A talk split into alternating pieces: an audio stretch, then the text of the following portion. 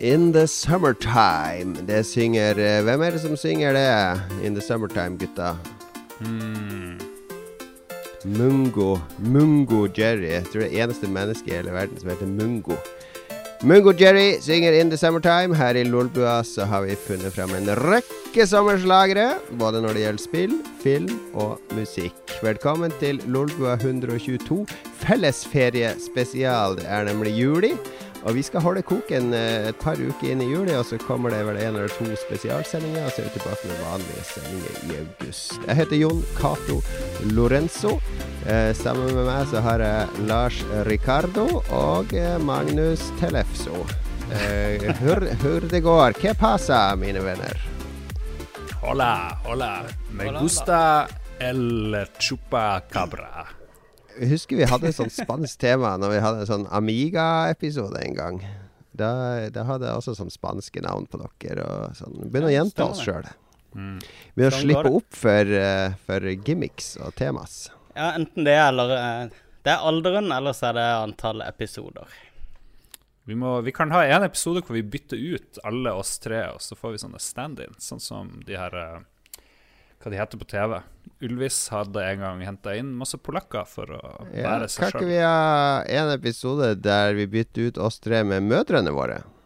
Det Så kan min mor, eh, fru Lorentzen, og Lars sin mor, fru Olsen, og Magnus sin mor, eh, fru Arve Tellefsen, Mamma heter Arve. sitte og konversere om disse håpløse barna som aldri vokser opp. Ja. Det var en veldig god idé. Ja. ja Kjempebra. Bra. Vi skal i hvert fall snakke om sommeren. Eh, Mødrespesial får komme en gang eh, senere. Eh, det har vært noen aktive uker. Vi hadde, vi hadde en sånn eksperimentell episode forrige uke, Lars. Jeg vet ikke om vi skal snakke noe mer om den. Vi har lagt den ut. Den kom først sånn natt til mandag. kom den ut Ferdig sending. Det hadde party, fest, for de som ikke vet det, med fire hyggelige Lolbua-lyttere. Seks på et tidspunkt, men de gamle de dro hjem tidlig. Men det vi fant ut, er jo at våre lyttere i Harstad i hvert fall er veldig unge. Det er jo Hva er, hva er veldig ung i, i denne skalaen? eh, Eh, Lars? Sånn 20 år. Ja. Er det, jeg vet ikke om det betegnes som veldig ungt eh, sånn i podkast-verden. Gjør det det? Tja, tenk om de ser på oss som tre farsfigurer. Vi, Ja, vi erstatter eh, fedrene, de mislykka fedrene i deres liv. Ja. Eh, da kan vi bare si med en gang at eh, se en annen vei etter farsfigurer. Dette er ikke ledestjernene er du leter etter. Alle vi tre er jo gamle nok til å være fedrene til uh, de fire som var på besøk. Ja, ikke sant? Så, så ja. Nei, men det var veldig hyggelige folk. Eh, De hadde mange gode svar, gode innspill. Hadde med en god eh, sånn Jegermeister spesial, han ene der, Nice. som smakte veldig godt. Og som heldigvis var bare 20% alkohol, så det var ikke så mye effekt av den dagen etter. Yes. Og eh, nei, en hyggelig kveld. Jeg lagde pizza til alle sammen. Den ble jo nesten spist opp. mm, Eh, Veldig bra. veldig bra Akkurat som en far gjør. Kommer i med pizza. Mm. Ja, ja, ja. Det er, eh, det, det er helt riktig. Men vi må snakke litt mer om hva vi har gjort i det siste. Jeg skulle jo egentlig på Kvart forrige uke, men uh, så kom den begravelsen i stedet. Så da dro du uh, alene til Kvart, Magnus. Du sto helt alene foran scenen Jeg gjorde det. Og Det var ingen andre der. til uh, dansa til eh, House of Pain. Ja, det var en ensom affære. Sto der og savna Jon Cato og noen å snakke med. Og Nei, jeg eh, Altså, jo da. Det, du har savna Jon Cato. Det hadde vært kjempehyggelig å ha deg der, men eh, Hele den første dagen så var det egentlig et ganske dårlig program. Men det var, uh, det var House of Pain som jeg gleda meg litt til som uh, gammel uh, hiphoper fra 90-tallet. Så det var gøy å se de, de gamle kjempene igjen. Det var jo en en, en sørgelig affære, for å si det mildt. Det var eh, Det var tre 50-åringer, eller hva det er nå, som eh, ja, Everlast var fremme med kassegitaren for å spille litt eh, fra solokarrieren sin.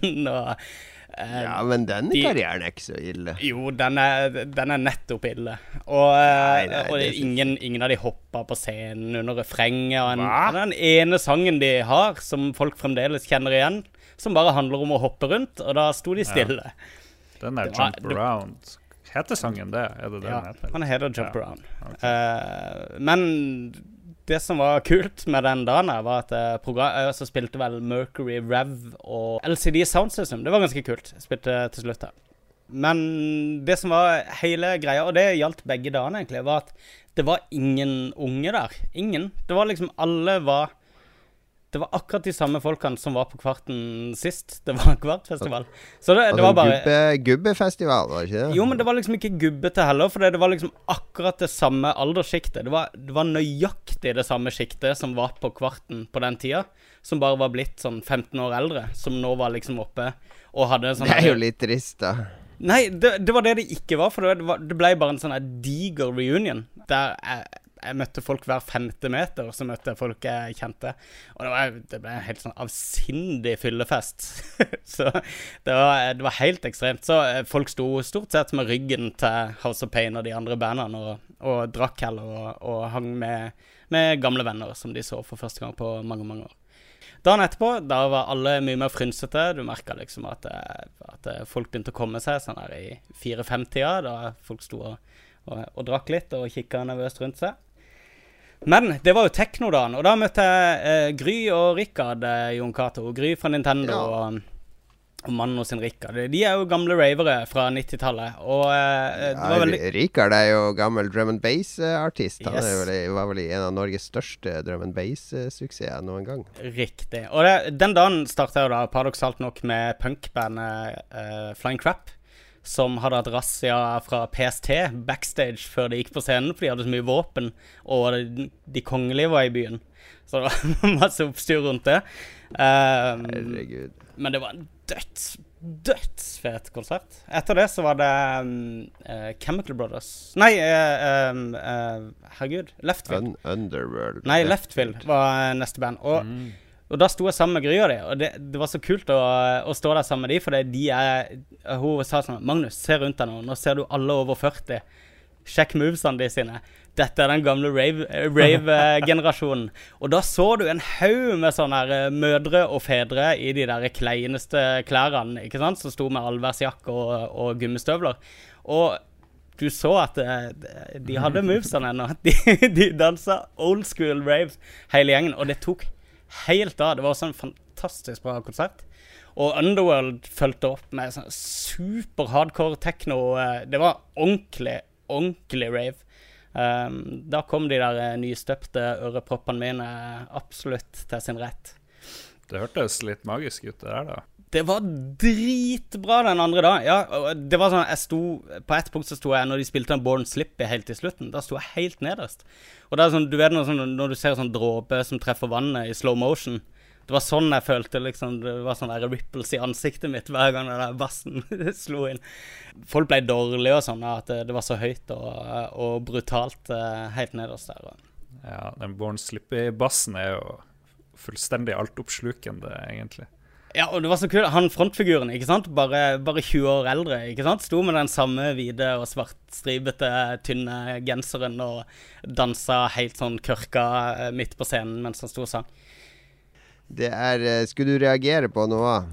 Vet du hva, jeg, jeg, det har jo vært eh, veldig i vinden i det siste. Hvelv har jo vært ute i hardt vær eh, fordi de har blitt masse saksøkt for, av en haug med foreldre. For, det, for å være en del av, eller for å oppfordre barn til gambling gjennom eh, Counter-Strike, hvor de på mange måter har lagt til rette for at folk kan kjøpe sånne her nøkler til å åpne sånne in game-kasser med, og, og bruke de til, til å gamble med på nettet på andre sider, i håp om å Tenker få på fete sånn som i Overwatch.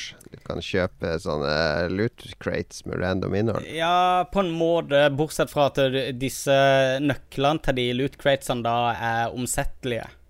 Og det er det Ja, jo ikke. Ja. Ja, Forskjellen er at du, du kan selge og kjøpe disse items som du bruker til å åpne opp utenfor spillet. Uh, det begynte jo med det, men nå kom det opp for et par dager siden. Nå er det jo sikkert supergamle nyheter når, på fredag når denne podkasten slippes. Men uh, det var jo to bloggere, eller to youtubere, veldig profilerte youtubere, som har kjørt sånn herre entusiastiske En haug med De har millioner av, av followers, og de har kjørt sånne her kjempeentusiastiske gamble-videoer hvor de da eh, Hva er det CSGO Lotto eh, denne sida heter? Og bare Ja, kom over den sida, og det var insane. Og jeg legger en liten link til det. det alle burde prøve det, eller sånn. dere trenger ikke. Og så er det 13-årsgrense på denne gambling-sida, ikke sant? Der du basically gambler ekte penger. Så viser det seg nå da det var en annen dude som, som gravde litt, og fant ut at disse to entusiastiske gamblerne uh, var, var, medeiere. Det var de to som eide og oppretta dette selskapet, som drev gamblesida. Det er liksom den nye generasjonen av sånn redak redaktørfri journalistikk på YouTube.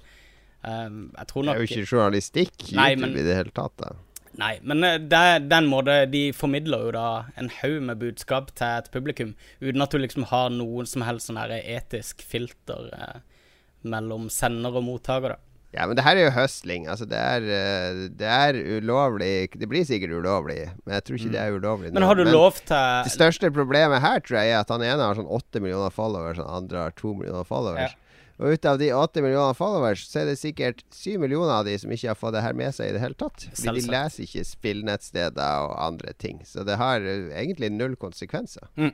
Jeg foreslår at vi lager vår egen gamblingside, for det nevnte jeg kanskje da du var her, Cato, eller var det noen andre, at uh, det, er så mye reklame, det er så mye reklame for de her gamblingsidene. Mm. På TV er det jo 100 sånn her, uh, reklame for det. Så det må være veldig enkelt å lage, er det jeg tror, og det er veldig lett å tjene penger. Kan vi hente inn Sofie Elise til å reklamere for det. Money in the bank! Ja, de står, står jo i kø, de her norske kjendisene, for mm. å omfavne mm. Gambling. All right, Lars. Uh, jeg kan uh, Skal du ta først? Hva har du gjort? når er du endelig ensom igjen etter å ha hatt besøk på besøk. ja, det har jo vært besøk på besøk på besøk i en runde etter den andre, så nå var det utrolig deilig å kunne være alene og planlegge hva man skulle spille over litt uh, tid. Går du uh, rundt naken i stua når du endelig får være alene igjen? Selvfølgelig. Jeg er så naken at jeg skjærer av meg litt hud for å være ekstra, ekstra naken. så jeg, da du Magnus, begynte å snakke om at du skulle spille Witcher 3, så tenkte jeg mm, det har jeg lyst til å spille. Men mm. så har jeg begynt å spille en annen som jeg skal snakke om i spalten som passer for det. Men det er utrolig deilig å chille litt av huset for sjøl. Men det ser ut som et helvete, og det er et tonn med sånne uh, skjetne sengetøy og ditt og datt. Uh, og så har jeg tenkt litt på den der Top Gear-greien. Jeg prøvde jo å se det der nye Top Gear-showet med han der eh, fyren, han lyshåra eller rødhåra. Matt LeBlanc. ja, Matt LeBlanc er med. LeBlanc. Uh, er det sant? Friends. Ja, han er med der. Og så er det han der så er det han der engelske DJ-en som tok over liksom, sjefsrollen. Og han har det vært mye bråk om hvis man har lest rundt på nett. Og i dag, eller hva det var, så trakk han seg, eller i går, eller Så jeg så jo bare første episoden og hata det de luxe, så kanskje, kanskje skal bli bra. Men samtidig så driver han det gamle, det gamle trekløveret. Jeg var jo veldig glad i det Top Gear.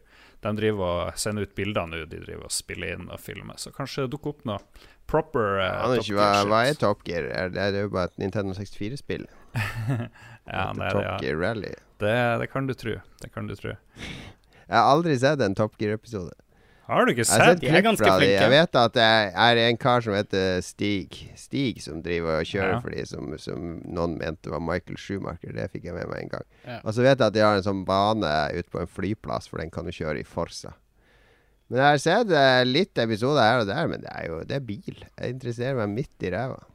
Men uh, problemet var jo at han der ene duden som jeg glemmer navnet på alltid, som drev og banka opp uh, folk i crewet og sånne ting, og var en ganske ufyselig yes, Jeremy Clarkson. Jeremy Clarkson ja. Men han der uh, nye Chris Evans, eller hva farsken han heter, han har driver jo og drar ned trusa, og nå har han jo anmeldt for sånne her eh, seksuelle overgrep. Og han har fått en producer til å slutte, visstnok. Så han er, mye, han er minst like ille. Så. Jeg, jeg, føler alle briter har sånne ting på, eh, på samvittigheten. Altså. Det, er, det, det, har nok litt med den britiske pressa å gjøre, altså, men alt sånn blir jo kjent. Altså. OK, John, uh, John the Cato. Over til deg. Ja, jeg kom jo ned til Oslo uh, sent på fredag kveld. Og så på lørdag så hadde jeg avtalt å ta en eh, sommerøl ut på byen med, min, eh, med vår gode venn Tore. siden alle skal bort, og det blir liksom siste øl før høsten. Mm. Og eh, vår gode venn Kjetil ble også med etter hvert. Men vi dro ut og møttes eh, nede i byen eh, først på Illegal Burger og spiste en burger. Og så dro vi på Jæger, som er gamle So What. Vi satt i bakgården helt alene og tok en øl. Og der kom vi på den gode ideen at vi gadd jo ikke sitte på sånn ett sted hele kvelden, for det er litt kjedelig når man går ut sånn annenhver måned. Da vil man gjerne eh, ha litt forskjellige atmosfærer og litt eh, sånne ting. Blir litt rastløs. Så vi Tore hadde en sånn terning-app på telefonen sin. Så vi fant ut at vi skulle ha sånn ogristisk utetur. At vi skulle drikke én øl på hvert sted. Og så hver gang vi gikk ut døra, skulle vi kaste terning. 20-terning, da. 1 til 10, så går vi til venstre. 11 til 20 så går vi til høyre. Så i alle kryss så måtte vi da kaste terning i hvilken retning vi skulle gå i krysset. da Og hver gang vi gikk forbi en pub, så måtte vi kaste 20-terningen. Da var det hvis vi fikk 11 til 20, så måtte vi gå inn og ta en øl. Men hvis vi hadde gått forbi en pub, så ble det pluss to på neste sånn terningkast. så, eh, sånn at vi, vi, måtte komme oss inn på en pub. Så det endte opp med da at vi gikk surra ut fra Jeger og endte opp eh, langt oppe ved Slottsparken og på Henriken. Vi var nede på Dr. Jekyll.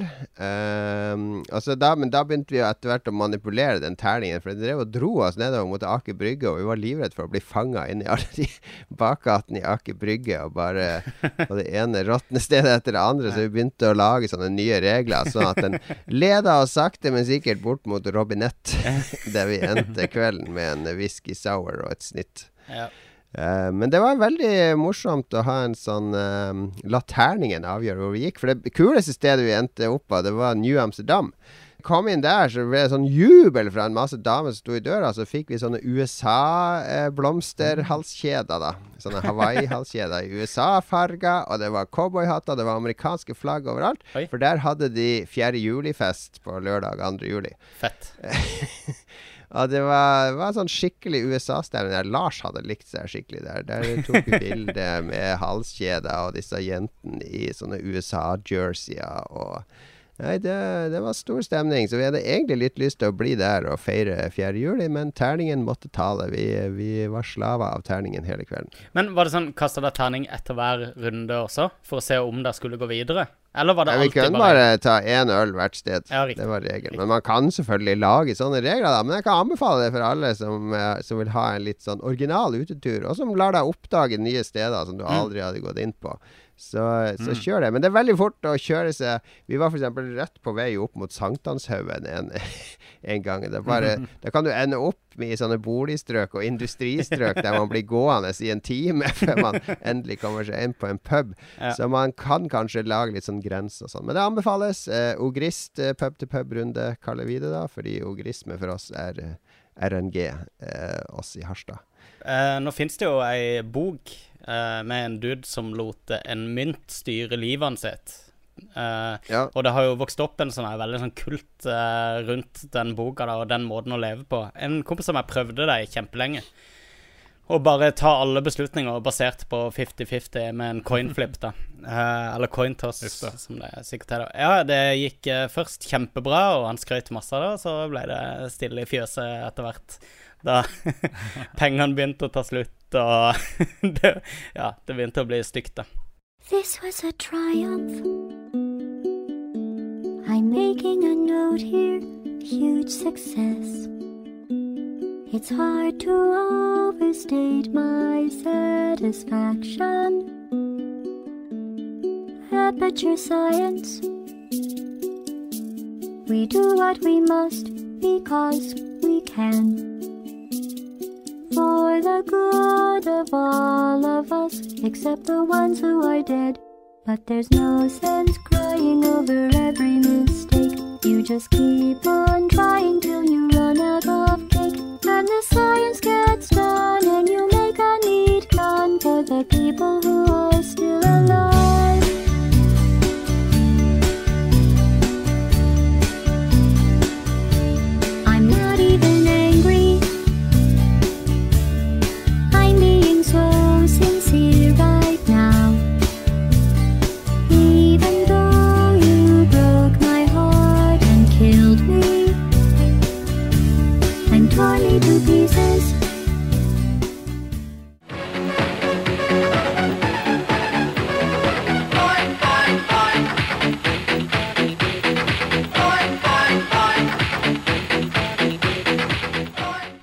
'Summertime Love' har Lars skrevet her. Det var en veldig sånn flott, eh, romantisk beskrivelse. Er det sånn at de, det, det du skal se av filmer, det du skal kjøre, kjøre av spill i sommer, Lars, er en substitutt for kjæreste?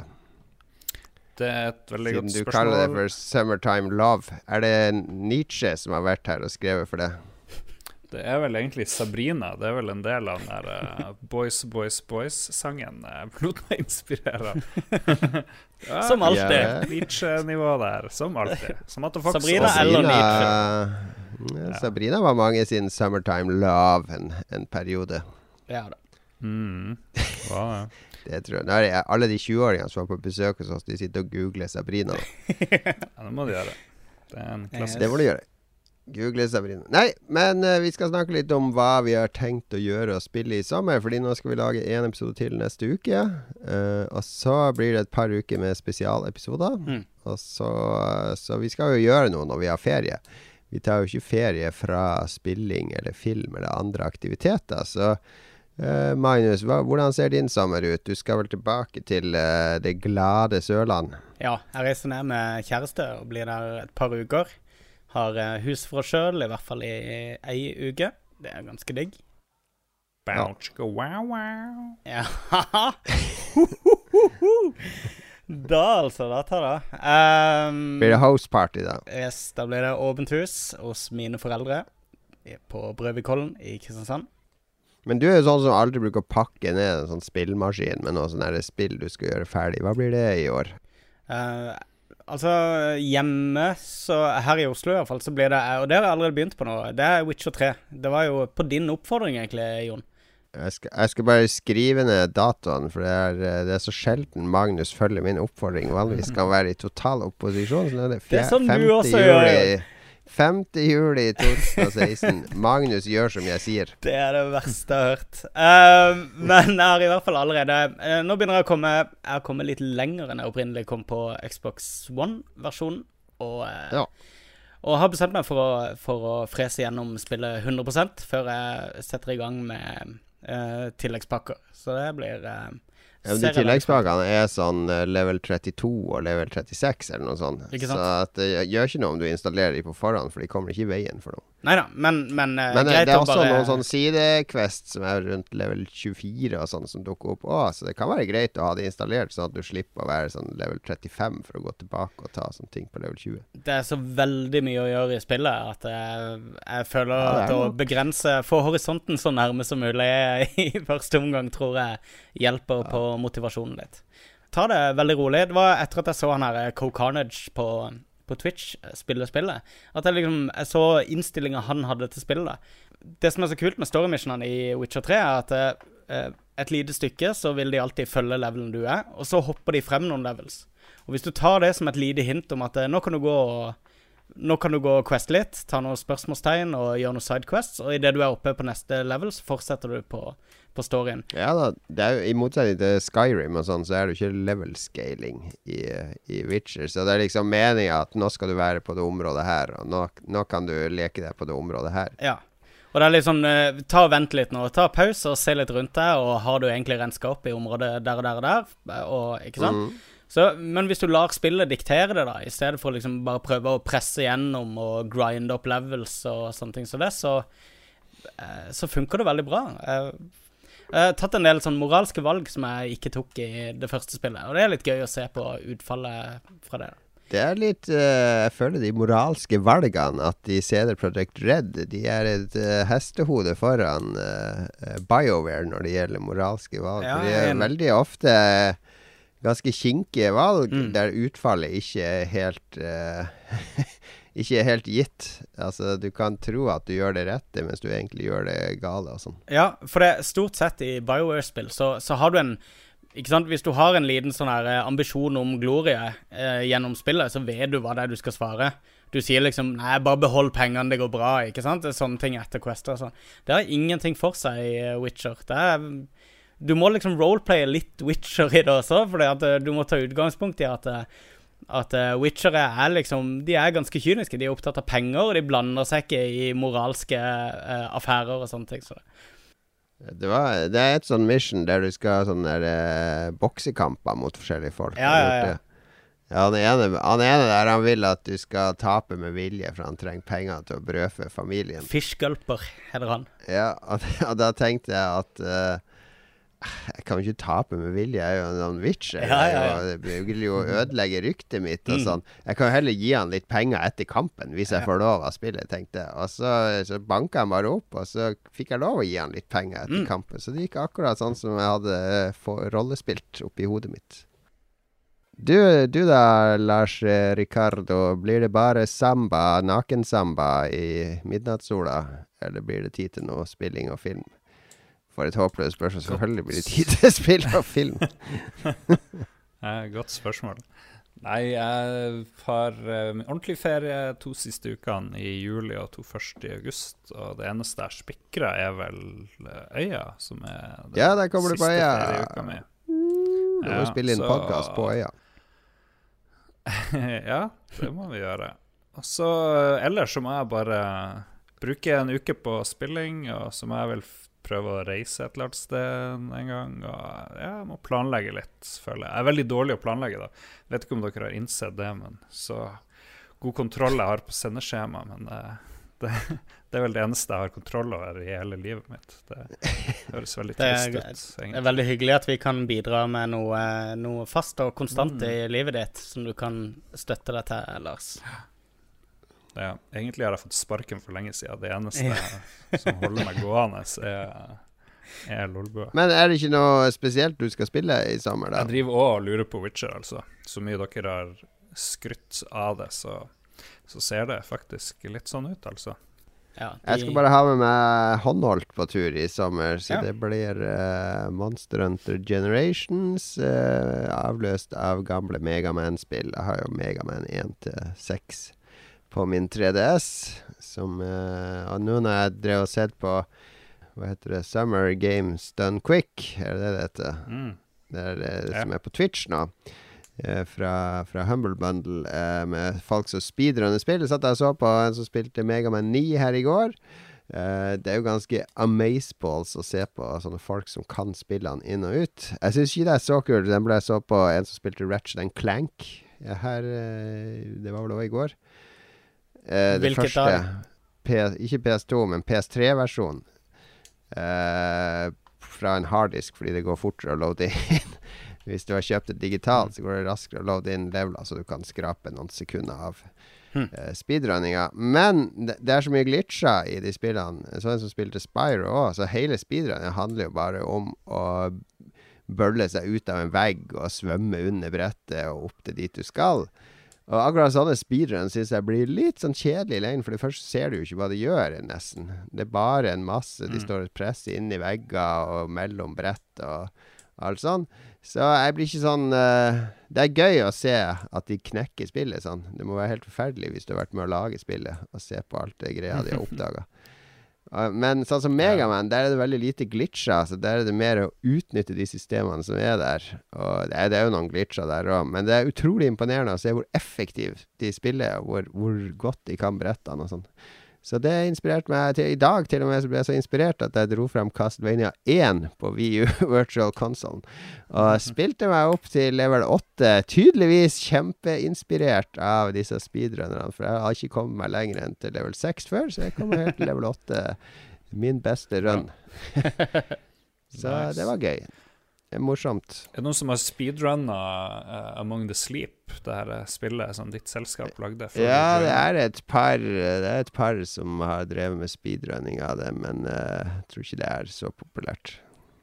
Har vi noen lyttere noen lyttere som har delt hva de skal gjøre i sommer, Larso? Jau, jau. Jeg tok et lite fråge. Vi har fått to Vi har spurt om to ting denne uka. Og det ene er hva som skjer i sommeren, og hva de skal gjøre, og hva de skal spille. Og han, Johannes Utvåg han skal gjøre det samme som kanskje to av oss. Det er å runde Witcher 3, og så skal han ta lappen type B. Lappen B? type B, er ikke det helt vanlig? Det er jo sånn standardlapp.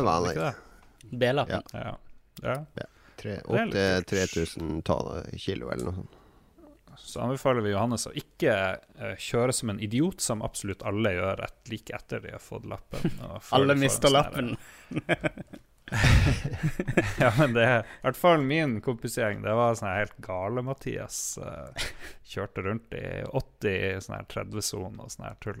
Det er, jo, det er jo noen som har klart å miste lappen sånn her ti minutter etter de fikk den og sånn. Og det, Ja. Men det er like greit, altså. Nip it in the bud, sier jeg bare. Det er bare Kjør forsiktig, Ja. Johannes. Og Stian Hellem Ja. Kristiansen skal oppdatere seg på bokserien A Song of Ice and Fire. mm. Som jo er eh, det som Game of Thrones er basert på, for de som ikke visste det. Han er på bok tre nå, men de er så lange, så det tar nok resten av sommerferien. Det er sant. De er ganske lange. Pluss at en bok fire er ganske kjedelig òg, da. Eh, og Ja, der fy jeg stoppa å lese den. Den Feast of Crows, eller hva den heter for noe. den, det var jo én bok han delte i to, det foregår samtidig, men så ble sant, akkurat som kroppen hans, så æser det ut i de bøkene. eh, Så klarer ikke å holde, det i, holde seg i skinnet. ja. Men du har ikke sett serien ennå, Lars. Det kan jo du gjøre i sommer. Har du ikke sett uh, Game of ja, Thrones? Det er jo en perfekt sommerserie. Ja, det er prosjekt. Åh, jeg misunner det. Ja, ja. Det er sånn du binger eh, Det er sånn kosebinging gjennom eh, Game of Thrones. Eller kose-kos. Ja, ja, ja. Winter is coming. Har sett første episoden to ganger og ikke kommet lenger. Eh, under hele sesong én så lurte jeg på om det var dritt eller ikke, men eh, det var liksom etter siste episode i første sesong at det var sånn Ja, å, hæ? What the hell? Hva skjedde nå? Eh, Går, går litt er det opp og ned i den serien. Det er, en, det er et par sånne pausesesonger, men den siste sesongen er veldig bra. ja, jeg, jeg syns det blir bedre og bedre. Uh, Henrik Olafsen Elman uh, lurer på hvor Lars og Magnus skal på ferie. Ved at Jon skal til Spania og lage Sidbua. Stemmer det, Oh Jon? yeah, oh yeah, El Sidbua.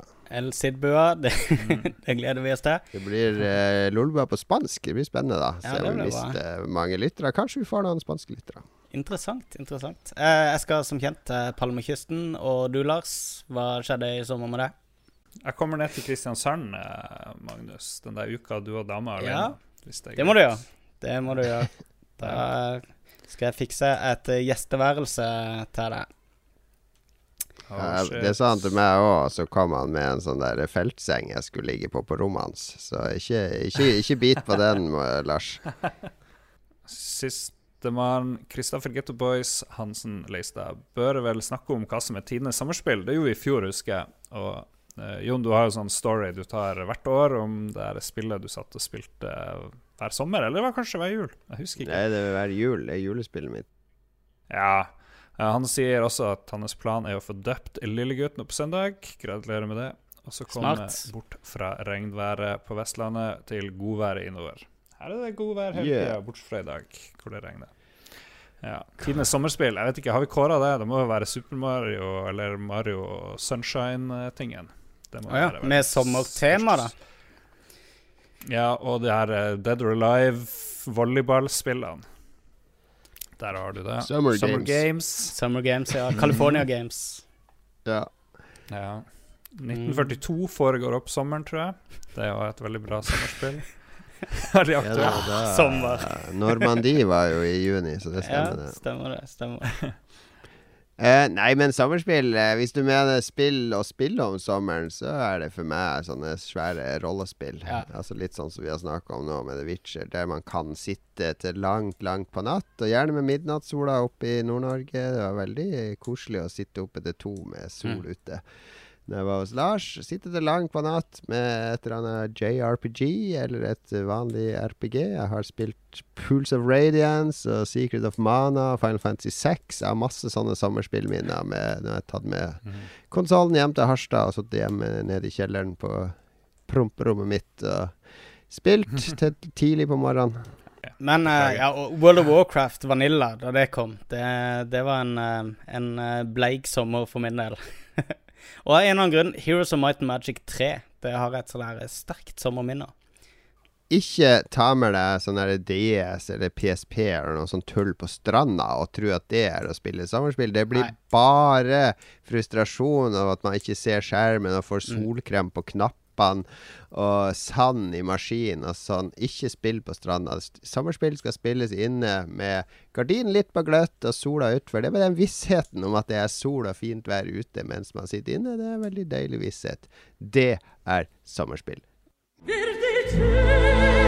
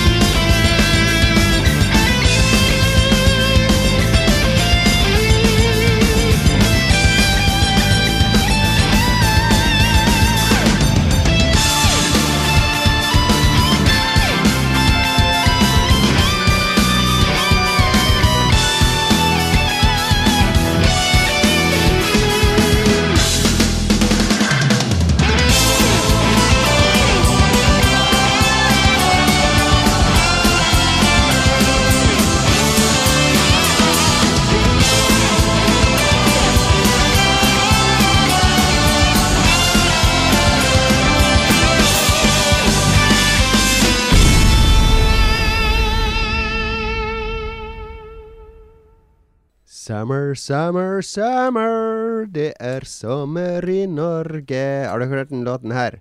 Dette er fra Meteorologisk institutt. Vi ville bare si at regnet snart tar slutt. Og det blir sol, sol Det er sånn ni timer. Ni timer er noe jeg forbinder med sommeren.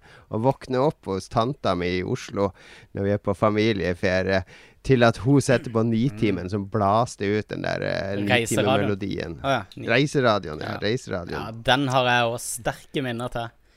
Jeg så en reklame for det nå nylig, for, bare for radioen, og da spilte de den melodien der. Det var bare sånn 100 minner som skylte Ja, over ja, meg. ja, ja. Og gjerne at hun skal støvsuge samtidig. mens eh, rundstykkene varmes opp.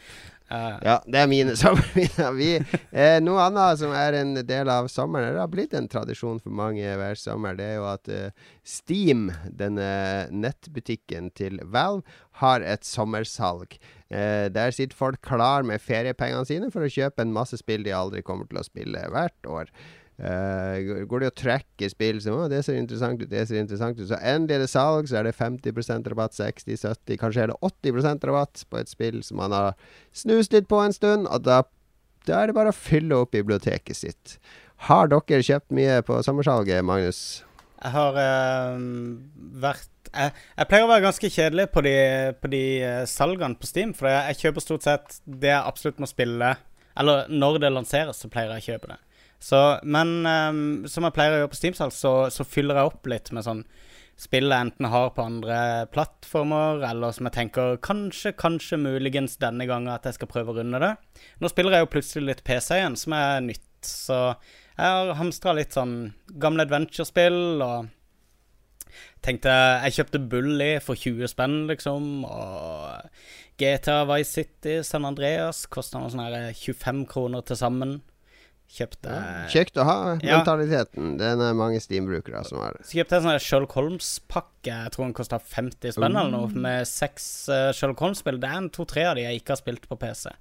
Og noe andre, noe som heter Detective Grimoire og Ja, så kjøpte jeg Monkey Island 1 og 2. Monkey Island 1 og 2 er de remastersene. Selv om jeg hater selve remaken, så tenkte jeg kanskje vi kunne streame gjennom eneren og toeren i original eh, look, men med ny musikk, i hvert fall, og skru av den teite speechen um, en eller annen gang i sommer. Ja, bra. Enn du da, Lars? Du er jo ikke noe Steam-konsument. Har ikke kjøpt noe, men er overraska over at du ikke har kjøpt noe på eh, Vita sommersalg. Ja, jeg ser det ble påpekt her. Um, jeg visste ikke at det var sommersalg på Vita. Det skal jeg sjekke ut med en gang vi er ferdig med sendinga. Uh, men det er også Xbox uh, sommersalg begynte jo faktisk i dag. Så ja. det er ganske mye å sikre seg der. Og ben. Banner Saga 2 er gratis på Xbox One nå, forresten. Jeg har ikke kjøpt noe som helst på Steam. Jeg var i Harstad under nesten hele salget, og så gikk det litt i glemmeboka. Jeg hadde et par spill, men så er jeg ikke sånn jeg vet at f.eks. på vårt spill så er det fortsatt Det er ganske, ganske mange som har det spillet på ønskelista. Og som bare venter på at pris, rabatten skal komme ned på sånn 80% rabatt før ja. de kjøper det. Så, så jeg er litt uh, Ja. Jeg er litt fan av å kjøpe spill til fullpris etter jeg begynte å lage og selge spill på Steam. Fordi jeg vet ja. jo at uh, de kuttene man får når spillet er på 80% rabatt, det er ikke veldig mye du sitter igjen med, selv om du selger kanskje 1000 eksemplarer på en dag på salget. Men det som, det som koster under 30 spenn, som er en egen sånn kategori på Steam, eh, i hvert fall under salget, det er stort sett gamle, gamle spill ja, som er, er sånn Som det folk, er sant, men jeg har ikke noe behov for å ha en sånn gigantisk library heller. Jeg har jo noen hundre spill i det biblioteket mitt allerede, der jeg sikkert har spilt 50% av de. Ja, så, så det er ikke det store. Men jeg har et spill jeg har lyst til å kjøpe. Nå kommer vel Inside kommer vel på Steam nå på torsdag, tror jeg. Det er jo ute på Xbox, det skal vel Lars snakke litt om etterpå. Uh, og et par andre spill som er sånn Som jeg skal ha, men som jeg bare ikke har knevla meg til å kjøpe. Fordi jeg har ikke hatt tid til å spille dem. Jeg gidder ikke å kjøpe de før jeg skal spille de, liksom. Uh, har vi, noen, uh, vi har noen lyttere som har uh, handla litt på Steam. Ja, det har vi. Ja. Um, ja. Jeg kan begynne. Hun Marte Kvamme Strømmen har kjøpt To The Moon. Og ellers har du holdt seg unna ah. Steam i sommer med vilje. Jeg har jo hørt om det her To The Moon, og så måtte jeg bare sjekke traileren. Og så Det er sånn eh, RPG-aktig, litt sånn old mm. school. Mm. Ja, det er laga med RPG-maker. Ja, riktig. Ja, det er jo litt gøy. Mm. Er ikke det veldig sånn sentimentalt indie-spill? A few minutes into the game, and I already noticed that ninjas were cutting onions, uh, sto det i en av de kommentarene. Så det er mye tears og mye feels. Så jeg ble med en gang interessert. Jeg vil gjerne gråte uhemma foran uh, skjermen. Så. Gråte deg inn i sommernatta. Vår venn uh, Mats, uh, vår faste vikar her, han har kjøpt seg Firewatch, Zuma, Squad og GTA 5. faktisk. Han har spilt GTA Online med noen venner i helga, og det er overraskende morsomt, sa han. Ja, det ser jeg mange, mange spiller med nå. Jeg tok og sendte en video av Mats som spilte det her. Jeg vet ikke om dere så det. Hvor uh, de driver og har sånne heists. Og så oh, ja. ja. det er heist som er det morsomme online. Ja, så har de holdt på med et heist i flere timer og endelig fått det til perfekt. Og så driver Dag Thomas og skal fly med helikopteret, og det er hans film du ser det fra. Og så skal de samles på en sånn strand. Mens Mats er i, av en eller annen grunn i en sånn paraglider eller en sånn eh, fallskjermting. og så skal de bare samles og avslutte her, og så kommer Mats rett inn i helikopteret til Dag Thomas, inn i rotoren, og dør. Og hele missionet er over. det er gøy. det virker Ja, det, det, de har hatt mye gøy der, virker det som. Så da fikk jeg litt lyst til å spille litt heist. Ja, men det har jeg jo lyst uh, til å prøve. Jeg har fått anbefalt fra flere. Det kommer en sånn her uh, ny expansion også nå, med sånn her økonomi uh, Sånn økonomisk styring, ja, ja, ja. der du starter corporation og driver med massevis av ekstra heists og smugling og Så da kan du være CEO i GTA, også Jon Cato. Ja, det holder med én CEO. Assistant to the CEO. Da kan du få være CEO, så kan du ha medarbeidersamtale med meg, Magnus. Ja, det, altså, kan, skal jeg kreve lønnsøkning og ja, med, med, glede. Um, Trygve Bjelvåg uh, har uh, tatt for seg på Steam. For han så ble right. det Madmax, Dishonored, Rise of the Tomb Raider. Um, Eh, pluss en del fyllekjøp, som Collateral Damage, Dead Space Collection og Portal 2 med commentaries. Sikkert plukka noen flere òg, men husker ikke akkurat nå. Uh, jeg fikk også jeg fikk melding av en kompis som hadde sagt at han hadde gått på kardinalfeilen, som var å sitte med noen flasker vin og en haug med øl og shoppe på Steam. Så nå hadde han liksom sikra frem til nyttår, sa han, med, med, spill. Trygve, du er i godt selskap, det er mange med det, men jeg syns ikke Mad Max Dishonored og Tomb Raider var de verste kjøpene akkurat. Det er bra kjøp, Trygve. Veldig bra kjøp. De kan du kose deg med. Raymond Caspersen. Det var ikke Uh, bare før du går til Raymond, her, du leste ja. 'collateral damage', men jeg måtte jo søke om det var skrivefeil, eller om det ah, ja. het. Cat, lateral, Cat lateral damage. damage. Unnskyld. Ja. Det er sånn her Goat-simulator-inspirert, kanskje, hvor du er en katt som driver og går litt amok, så vidt jeg skjønner. En oh, katt som kjeder seg, og det må jo være ja. det verste som fins, å ha i et hus hvor du ikke er hjemme. Men uh, jeg vet ikke hva det handler om. Men jeg tror det er det. Det så sånn ut fra bildene jeg søkte opp. Raymond Caspersen, uh, Pillars of Eternity, diverse Assassin's Creed, Far Cry Primal, Icewind Dale, Galactic Civilization 3, diverse Shadowrun, Invisible Ink, Saints Row 2 pluss 4, Siberia, Book of Unwritten Tales 2, Stellaris, Nova Logic, Everything Pack, Never Alone, Evil Within, klokket inn totalt 930 spill på Steam nå, tenker jeg. Runder 1000 i løpet av neste års salg. Hvor er den Anonymous Hoarders-gruppa? Jeg tror du trenger den. Mm. Uh, ja. Uh, artig at du kjøpte Never Alone, for uh, det tror jeg Jeg tror ikke det stemmer så godt med livet ditt hvis du skal spille gjennom alle de spillene her. Da blir du veldig aleine. Men Pillars of Eternity, det er et eh, perfekt sommerspill.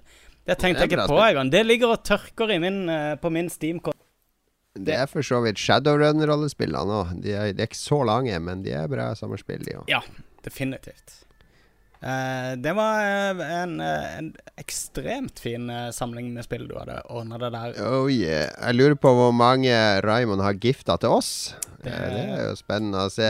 Når han har kjøpt så mange spill, så regner jeg med et par gifts der. Gleder meg til å logge inn og se hvor mange, hvor mange ja, presanger jeg har fått. Se hva vi har fått fra Raymond i sommergave. What haben Sie spielen, eh, Junge? Uh, vi, nei, vi skal snakke norsk. Jeg ble inspirert Takk. av Jeg drev og sett på Filmavisen i det siste. Fordi NRK har lagt ut uh, Filmavisen fra ja. 1942 til 45, da. Altså alle Filmavisen-episodene som, eh, som eh, NS lagde. Eh, nazistpartiet som styrte Norge under krigen. Masse sånne gladinnslag om eh, sunne ung, sunn norsk ungdom som verver seg til tjeneste, og Hirden og og, og, de glade nazistene. Det er, det er, ganske disturbing å se noe av det. Se fullt av folk på Youngstorget som står med Hitlerhilsen og sånn. Uh, ja, mye, mye spennende i de filmavisen. Så jeg er litt inspirert av det akkurat nå.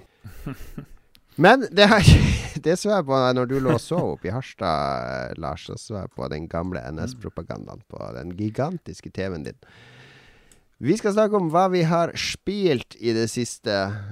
Er, sommeren er jo full gang for noen av oss, aka Magnus. Mens andre fortsatt ikke har full spilletid. Så kanskje vi skal begynne med Magnus. Kan du snakke om ja. annet enn Overwatch og Witcher 3, kanskje? Ja, uh, for det er utelot, utelot uh, ett spill fra lista over Steam-salgsspill jeg kjøpte. Jeg kjøpte et Hvis dere kjente Adult Swim Dette er voksenkonseptet til Cartoon Network.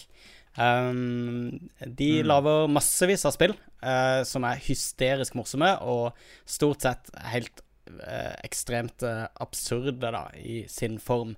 Et av de spillene heter Jazzpunk, eh, der du styrer en eh, hemmelig agent i et eller annet sånn her eh, absurd, eh, surrealistisk fremtidsscenario, da. hele greia er liksom utforma som en sånn spoof-komedie, sånn som 'Mann med den nakne pistol' og alle disse crazy komediene vi husker fra 90-tallet. Jeg spilte det for en stund siden, og det minte meg litt om Sam Max, uten at jeg spilte mye Sam Max. Ja, det er litt det. men, men, det har enda mer av den der crazy-komedien der de liksom De skal kødde med absolutt hele tida. Det er litt mer uh, surrealistisk absurd-humor. Ja. Altså mer Monty Python-esk, vil jeg kalle noe av den humoren. Og så Hver mission begynner med at du tar ei pille som trigger, mm. som trigger, oppdraget ditt, og så skal du utføre helt sånn absurde oppdrag. Det er i et, uh, på et oppdrag så skal du sminke deg og ta på deg kostyme for å gå undercover. Og da, da kommer det opp en sånn her leppeform på skjermen som du da skal tegne med musa. Skal du bare tegne med leppestiften inni der. Det er helt umulig å gjøre det fint. Og det, denne leppestiften er liksom midt på skjermen hele veien når du går rundt der. Så det, da har du liksom sånn herre det er en veldig rar måte å oppleve spillet på.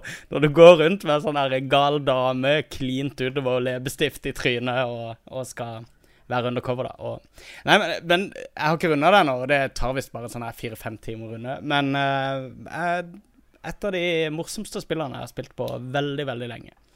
Ja, jeg runda det. Jeg anmeldte det i min tid. Det er et veldig kult spill. Mm. Eh, veldig unikt. Unik humor. Ja. Surrealisme i spill, det trenger vi mer av. Det er, minner meg litt om eh, slutten av 80-tallet, når alt var lov. Når folk som eh, Sensible Software kunne bare finne på ting i hasjrus og lage spill ut av det. Det, det er litt sånn eh, Bare la oss gjøre det så sykt som mulig.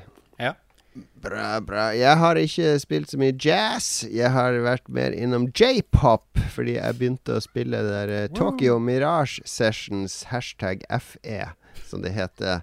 Som er et, uh, et JRPG Gitt ut av Atlus uh, og, og laga av um, uh, Jeg husker ikke hvem som har laga det, men det er Det minner Det selvfølgelig har det røtter i Persona-serien, som alle moderne japanske rollespill har. De må jo være om sånne ungdom, gjerne i en ekte storby, som opplever uh, merkelige, overnaturlige ting.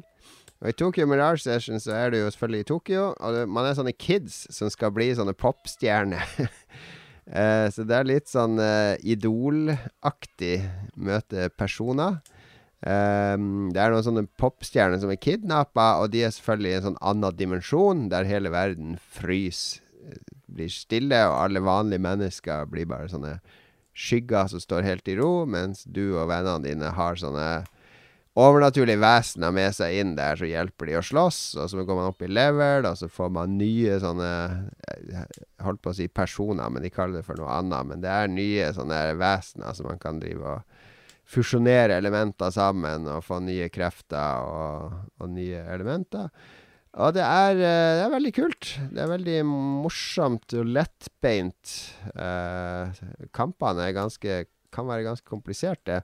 Det er ikke så polished som personer, føler jeg. Men det er uh, De dungeonene er veldig kule. Veldig kule puzzles. Og storyen er ganske råtten så langt. okay. er, det mye, er det mye bondage? Er det litt sånn bondage og pantsu? Mye cleavage. Cleavage og lettkledde damer. Og også puppefysikk på hun damesjefen damesjefen som har store pupper. Japanerne er pervo, det er, det er, ingen tvil om det, altså. Ja. ja, de hadde jo nettopp en sånn her eh, Det var jo nettopp en sånn her eh, eh, pornomesse dedikert til VR-porno i Japan som, som ble stengt mm. ned fordi pågangen var for stor. Og eh, ja, ja. myndighetene, eller altså politiet, mente at det var uhåndterlig mange japanere som stilte på den messa. Så jeg tror det ligger noe i det du sier der, Lars. Uh, men uh, gameplay er Det er jo å gå rundt og explore. Du, du, har det daglivet, men det er heller ikke så gjennomført som personer. Det er ikke sånn at du må gå på skole og alt mulig sånn. Det er mer lineært. Uh, jeg har ikke gjort så mye der ennå, bortsett fra å gå i butikker. Og så har du dungeonene, da. Det er der man har random encounters. Og uh, man har sånn komboangrep, og man finner weakness til fiender og utnytter det, sånn at man aktiverer sånne sessions, som de kaller Men de kan være litt kule, for det er liksom sånn blanding av en uh, At man er sånn popmusiker Idol og, eh, og ei kamp. For det er sånn publikum rundt deg. Altså, du står på en svær sånn, uh, konsertarena og slåss da, mens publikum jubler, og, og musikken er eh, De danser liksom omtrent. Så, så det er en veldig sånn helhetlig pop-idoru, eller idol-rollespill, uh, da. med litt musikkvideoer inni og cheesy, cheesy j-pop. Nei, jeg likte det egentlig ganske godt. Føler meg altfor gammel til å spille det, men uh, jeg får ha det som sånn guilty pleasure-rollespill. mm. ja. Tokyo Mirage Sessions, altså en uh, Hvis du fortsatt har vien din stående i påvente av Selda til neste år, så er det her et greit spill for å holde den litt varm mens du venter på Selda. Mm. Thank you, Mr. Man. Og du, Large? Jeg har spilt Ja, jeg spiller jo eh, litt forskjellig. Har prøvd Jeg må jo prøve noe sånn her mobilspill som jeg skal anmelde, og jeg har prøvd noe nytt Final Fantasy-greier som heter Final Fantasy X-Vius. E Ja, det lasta jeg ned på mobilen min. Noe gratis greier, eh? Det har forferdelig historie. Den dialogen der gjør at jeg ikke kommer til å klare å spille så veldig mye, bortsett fra at det er litt sånn confusing og litt sånn free to play-bullshit innimellom. Men det er jo gratis, så det må man kanskje tolerere. Men det er sånn her eh, hovedpersonene kommer inn en, eh, til en smed, og så sier han 'hello, bla, bla, I am the smith', og så sier han andre 'smith'? Yes, you're standing in my eh, smith place, eller hva det heter på engelsk. Og det er liksom der dialogen ligger. jeg bare får lyst til å skru av med en gang. Men eh, ja, veldig mye, veldig mye tutorial. Første timen, bare tutorial. Utrolig annoying tutorial i tillegg. Plutselig så kan du rekruttere hundrevis av fiender som jeg fikk gratis av spillet av en eller annen grunn, så jeg kunne ha sånn party med fire-fem karer med Egentlig er det bare to i starten, men du kan få med deg en hel gjeng, og du har ikke noe forhold til dem og vet ikke hvem de er og sånn. Men jeg har ikke helt skjønt opplegget. Mulig er det sånn at du skal hente inn online, for du kunne invitere venner som, som er på den her eh, vennelista di, hvis du kobler det opp mot Facebook og ah. kan det der spillsystemet heter på IOS. Final Fantasy X Vius. Og mer spennende så har jeg begynt på det her eh, Inside. Folkene uh, Playdead som lagde Limbo. Og første par timene er helt magisk. Det er bare Oh yes, det her er spill som grenser mot den famøse spill er? Er det som, eh, som Limbo, eller er det noe annet? Det ligner på Limbo, bare med litt Veldig. flere farger. Egentlig, basically. Uh, det gjør det. Ok. Så man tenker Men det ser litt mer realistisk ut, da. Og så tenker man å ja, jeg er litt sånn Limbo satt i en ekte verden, men så bare tar det helt av, og så vet du ikke hva som skjer. Ingenting blir forklart i det hele tatt. Men du er en sånn gutt som springer og hopper og må interagere med f- fysikk og, og sånt, mens folk og andre rare ting prøver å ta det. Utrolig morsomt. Kan ikke, kan ikke komme med noe dom, men det er et av de beste spillene jeg har prøvd i år, så langt i hvert fall. Jeg vet ikke om noen av dere andre har Ekstremt prøvd det. creepy. Ja, jeg har spilt det. Synes jeg jeg syns historien er så kult formidla i spillet. Eh, bare med Altså den der flukten innledningsvis i spillet, der du løper fra en del voksne Du er en liten gutt som løper fra voksne menn med lommelykter i mørket og må gjemme deg bak sånn trerøtter og kaste deg ut i vannet og dykke under eh, lys fra biler og det er, det er veldig eh, Du føler veldig på den der panikken hans når, når han stikker av. Og så blir du bare sånn her jevnt, som du sier, da. Du blir sånn der litt og litt sånn dryppmessig introdusert en utrolig sånn her absurd, dystopisk fremtidsvisjon. da. Eh, med masse skikkelig smarte ideer til sånn helt ny måte å, å spille spill på og løse puzzles på. Det er et, et veldig smart Ja. spill, syns jeg. Uten, at, uh, uten at de bruker et ord. Det, hvis jeg skal trekke på noe, så er det kanskje bare det der med at det føles så ekstremt som limbo. Og jeg digger limbo, for all del. Men jeg syns kanskje det har, det har ikke så mye sånn unikt fingeravtrykk da på akkurat på gameplayet med, i forhold til limbo. Men, men det, er, det er dødsbra så langt, i hvert fall. Det koster eh, 20 dollar, eller sikkert 200 kroner, på Xbox Live. Hvis ikke jeg tar Ja. helt feil. Det kommer på Steam på torsdag, tror jeg, så oh, ja. da kan jeg like godt kjøpe det der. Så slipper jeg en systemoppdatering på en maskin jeg ikke har hatt på, på eh, Jeg husker ikke helt sist. Jo, når jeg spilte Quantum Break. Ja, det er en stund siden. Ikke det at jeg ikke lik, mis, at jeg misliker Xbox One, det er bare at eh, Ja, men jeg spiller helst på PC hvis jeg kan. Ja, jeg ser den. Jeg, jeg gjør det samme for tida, så uh. Så derfor er jeg veldig glad for den nye Xbox-policyen med crossplay på omtrent alle spillene deres. Det er veldig bra. Det, det har jeg tenkt å ta med Ja, trenger ikke snakke om det nå. Vi Det var, Vi snakker om når det sending. introduseres. Det var dagens sending, dere. Hva skal vi eh, Nå hører ikke Lars noe av det vi sier, Nei. men de hører oss i chatten, så da spiller det jo ikke noe rolle. Da blir det en veldig rolig og behagelig avslutning uten masekråker fra nord som ikke kan høre oss nå. Nå kan du si hva du vil om Lars, eh, Magnus. Ja, ja. Vi ser hva han klipper bort. Ja jeg, jeg vet ikke. Jeg har ikke, jeg, har ikke mye, jeg har ikke så mye som jeg ikke pleier å si rett til trynet sitt før vi starter sendinga. Jeg vet ikke om jeg merker at eh, Lars ofte er litt sånn ute av sitt eget element. Sånn, han er litt sånn ukomfortabel i begynnelsen av sendingene. Det er fordi at eh, jeg ofte skjeller han ut og, og skikkelig trykker på sånn personlige knapper. Der jeg, jeg prøver å såre han da, så mye jeg kan før vi går på lufta. Og du òg, Jon. Du er jo òg litt der. Ja, Har du noe, noe du skulle ønske du kunne si om Lars, og ikke bare til han? eh, Nei, jeg liker å, å skjelle folk ut rett i trynet deres, ikke baksnakke de sånn. Ja. Så Lars skal få eh, Lars, hvis du hører det her når du klipper, jeg er veldig glad i deg. Din gamle idiot. Å nei, det er Jeg hører nesten ingenting, men jeg hørte at du var glad i meg. Det er veldig bra. OK. Du vi må er ikke tro at jeg er glad i deg, sa han. Nei da. Vi er ferdig for i dag. Eh, nyt sommeren, alle sammen. Vi kommer tilbake. Hva skal vi ha som tema neste gang når vi har brukt opp sommertemaet nå, da? Idiotisk valg av tema, Lars. Vintertema kan vi ha neste gang. Så bruker vi opp Neste gang den. er det Nei, neste, gang, neste episode er det 'Winter is coming'. Ja, så jeg tenkte bare Vi er jo bikka. Sola er på vei ned vekk nå, så, Ja. så, så vi er på vei mot en vinter. Snart jul. Eh, vi er tilbake om en uke. Eh, nyt sommeren frem til da. Enten det er fint vær eller dårlig vær, så har du alltid en skjerm du kan gjemme deg bak. Uansett. Bortsett fra når det lyner og tordner. Da bør du dra ut kontakten. Da kan du, kan du ødelegge TV-en. Eller skjermen. Eller datamaskinen. Vi snakkes om en uke. Eh, jeg skal en tur til det glade Vestlandet, så jeg skal rapportere derifra. Når jeg er tilbake i Oslo neste uke og vi spiller inn neste episode. Mm. Er det noe annet dere kan tease med? til neste sending om ei uke til.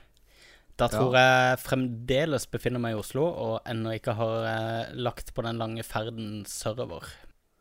Et, eh, et enkelt nei holder, Magnus. Når du ikke, når du ikke har noe å melde. Nei, det gjør ikke Lars, enten et enkelt nei eller noe som, som, lyt, som teaser lytterne, så de kan glemme Hm, det lurer på Det må jeg sjekke ut neste episode, åssen det gikk med Lars og den der blind daten han skulle på. Ja, du, den blind daten du skal på, Lars. eh, Ja, du Hva hører er han det dere ikke snakker om? lenger. Blind date. Dere detter inn og Det Jeg får sånn random shit. Vi kutter der. Eh, Lars skal på blind date. Det får du høre alt om i neste episode. Takk for oss. Ha en fin sommer, alle sammen. Følg oss på eh, Lolbua på Twitch, på Facebook, eh, Twitter, Snapchat, Snapchat. Instagram. Du vet hvor du finner oss. Eh, ha det bra! Ha det! Donald Trump.